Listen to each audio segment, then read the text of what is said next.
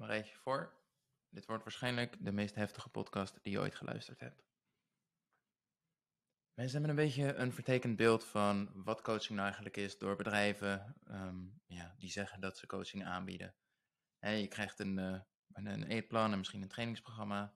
En eh, die moet je braaf volgen en ze letten erop dat je dat ook doet. Ze vragen af hoe het met je gaat. Maar eh, in de realiteit zitten ze zelf ook nog midden in hun coachingstraject en hebben ze eigenlijk helemaal geen ervaring als coach. Ik ben het daarom ook wel ondertussen gewend dat er tijdens de gratis coaching sessies die ik geef een opmerking voorbij komt als um, dit ene gesprek met jou heeft meer diepgang dan mijn hele traject met puntje, puntje, puntje. Zo'n gratis sessie is vooraf verplicht om een coaching in te stappen, maar in sommige gevallen is die ene sessie al voldoende en is er helemaal geen coaching nodig, of op dat moment nog niet. Ik heb een simpele vraag voor je. Saskia met echt een rotbaan. Ze heeft gemene collega's. Ze ziet er iedere dag tegenop om naar haar werk te gaan. Als ze thuis komt, is ze blij dat ze weer een dag heeft overleefd en ze kijkt alweer uit naar het weekend. Ze slaapt slecht door alle stress van het werk, is kortaf naar haar kinderen door alle stress. En ook haar huwelijk heeft er flink onder te lijden.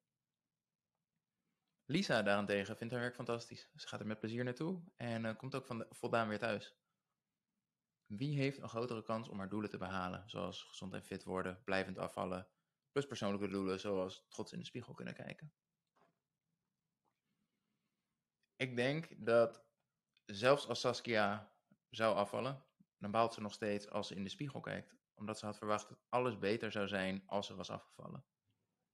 En ze heeft zichzelf het idee aangepraat: mijn werk is verschrikkelijk, maar zodra ik slanker ben, dan voel ik me toch fijner en dan kan ik wel trots zijn en dan heb ik iets om blij mee te zijn dan wordt alles ineens beter.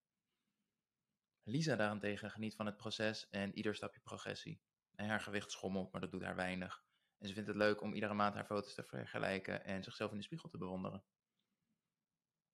En dit is de eerste vraag die ik je stel tijdens een gratis sessie. Hoe is je werk? Ben je daar op je plek? Ben je gelukkig met je leven zoals het nu is? Dat is de eerste vraag. Sterkte met de rest. Maar alle grapjes terzijde. Soms moeten we echt, echt diep gaan tijdens coaching sessies.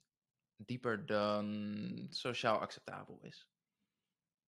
Als je collega vragen zou stellen die ik soms moet stellen om je te helpen, uithalen zou terecht zijn. Ik wil een voorbeeld nemen van een coaching sessie van een tijdje terug. Ik probeer bewust zo generiek mogelijk te blijven vanwege privacy.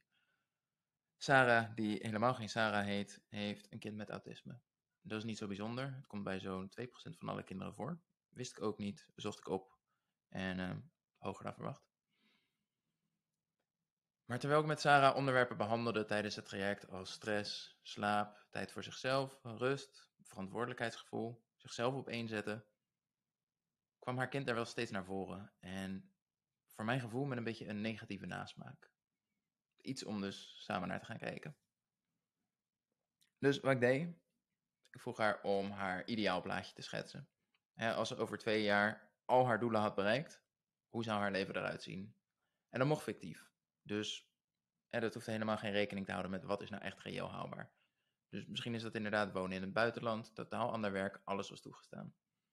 En dan kunnen we vervolgens kijken hoe we dat plaatje wel reëel haalbaar kunnen maken. Haar kinderen hoorden absoluut in dat plaatje, zei ze.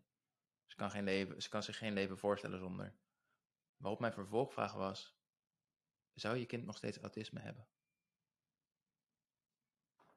Daar kun je heel veel van vinden. Hoe kun je zoiets zeggen? En dat is nu precies waarom mensen coaching nodig hebben. Niemand gaat je die vragen stellen en waarschijnlijk durf je jezelf die vragen niet eens te stellen. Maar stel je voor dat Sarah deze vraag nooit kreeg. En dat ze haar kind met autisme van alles kwalijk nam.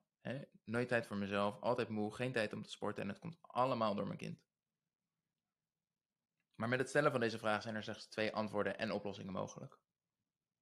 Ja, ik zou willen dat het autisme er niet was. En aangezien dat niet mogelijk is, en we dus moeten kijken naar het reëel haalbare, is het kijken naar manieren om beter met de situatie om te gaan en een stukje er, uh, acceptatie ervan. En dat is verschrikkelijk lastig, maar is dan wel nodig.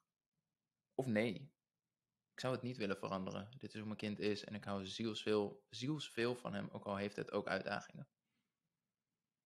En met die conclusie, wat ook haar conclusie was, zijn alle uitdagingen zoveel makkelijker te relativeren.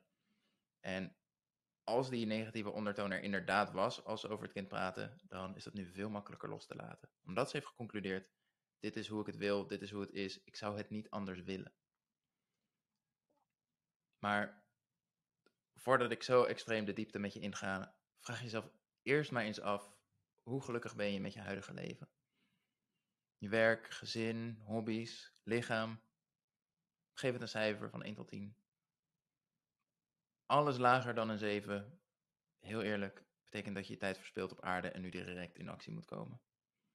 Los van als dat cijfer nu tijdelijk iets lager is door ziekte, ongevallen, wat dan ook. Maar dat snap jij ook wel. 1 tot 10, wat scoort je leven? Stuur me een bericht op Instagram, jori-fitcoach, J-O-E-R-I-fitcoach, als jij een 6 of lager scoort. Ik gun het iedereen om minstens die 7 te scoren en als het kan hoger. Dus um, als jij zegt ik score een 6 of lager, stuur me dat berichtje. Dan gaan we kijken wat er nodig is voor jou om uh, naar die 7 te komen.